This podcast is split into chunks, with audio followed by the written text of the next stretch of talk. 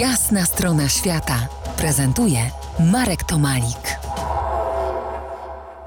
Po jasnej stronie świata Polska doktor Doolittle Gosia Zdziechowska, autorka książek o zwierzętach, myślę, że nie tylko dla dzieci.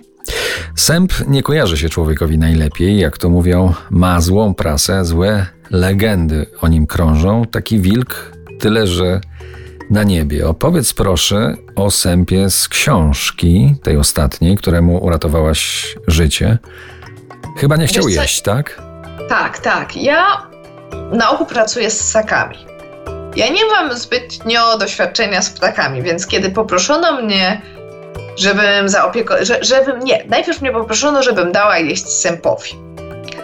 No dobrze, no wiesz, no, no czasem sprzątasz klatki, karmisz inne zwierzęta, ale okazało się, że nie chodzi o, o danie mu jedzenia w miseczce, tylko o nakarmienie go. I miałam y, kilkanaście pociętych kawałków mięsa, y, ponieważ nie było za dużo czasu, żeby mnie wprowadzić w całą tą jego historię. Wiedziałam tylko, że nie chciał jeść, że nikt go nie mógł nakarmić i, i mniej więcej jak mu podawać to mięso, czyli że w palcach miałam trzymać te kawałki mięsa i mu podawać, żeby on jadł.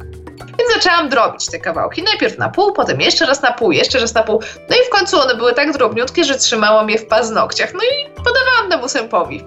I one jak takie malutkie już były w paznokciach, to on zaczął je jeść. Pomalutku, powolutku, ale zaczął jeść i, i zjadł, za pierwszym razem zjadł prawie wszystko. No więc jak oni zobaczyli, że z- ze mną zjadł, to był wielki sukces, więc poproszono mnie znowu, żebym go nakarmiła. No i tak drugi, trzeci i, i, w końcu poproszono mnie, żebym już zawsze go karmiła, żeby był pod moją opieką. No ale w międzyczasie był czas na to, żebym ja się dowiedziała, dlaczego on w ogóle trafił do tego ośrodka, co, co mu się stało i tak dalej. Co się okazało? Okazało się, że to był dziki sęp, który trafił do tego ośrodka, bo ktoś go próbował zatruć i prawie go zabił. Oni go odratowali. Tylko, że po tym incydencie on w ogóle przestał jeść. A powiedz, jaka jest y, droga zwierząt do ośrodków opiekuńczych? Kto się tym zajmuje? Kto to weryfikuje? Wiesz co, zależy w jakim kraju, jak są. Jeżeli są zwierzęta znalezione, nie wiem, ranne, chore na drodze, to czasami zwykli ludzie przynoszą takie zwierzęta. Mm, Jeżeli policja często konfiskuje, bo tak jak wspomniałam na samym początku, że Niestety wiele osób chce mieć dzikie zwierzęta w domu.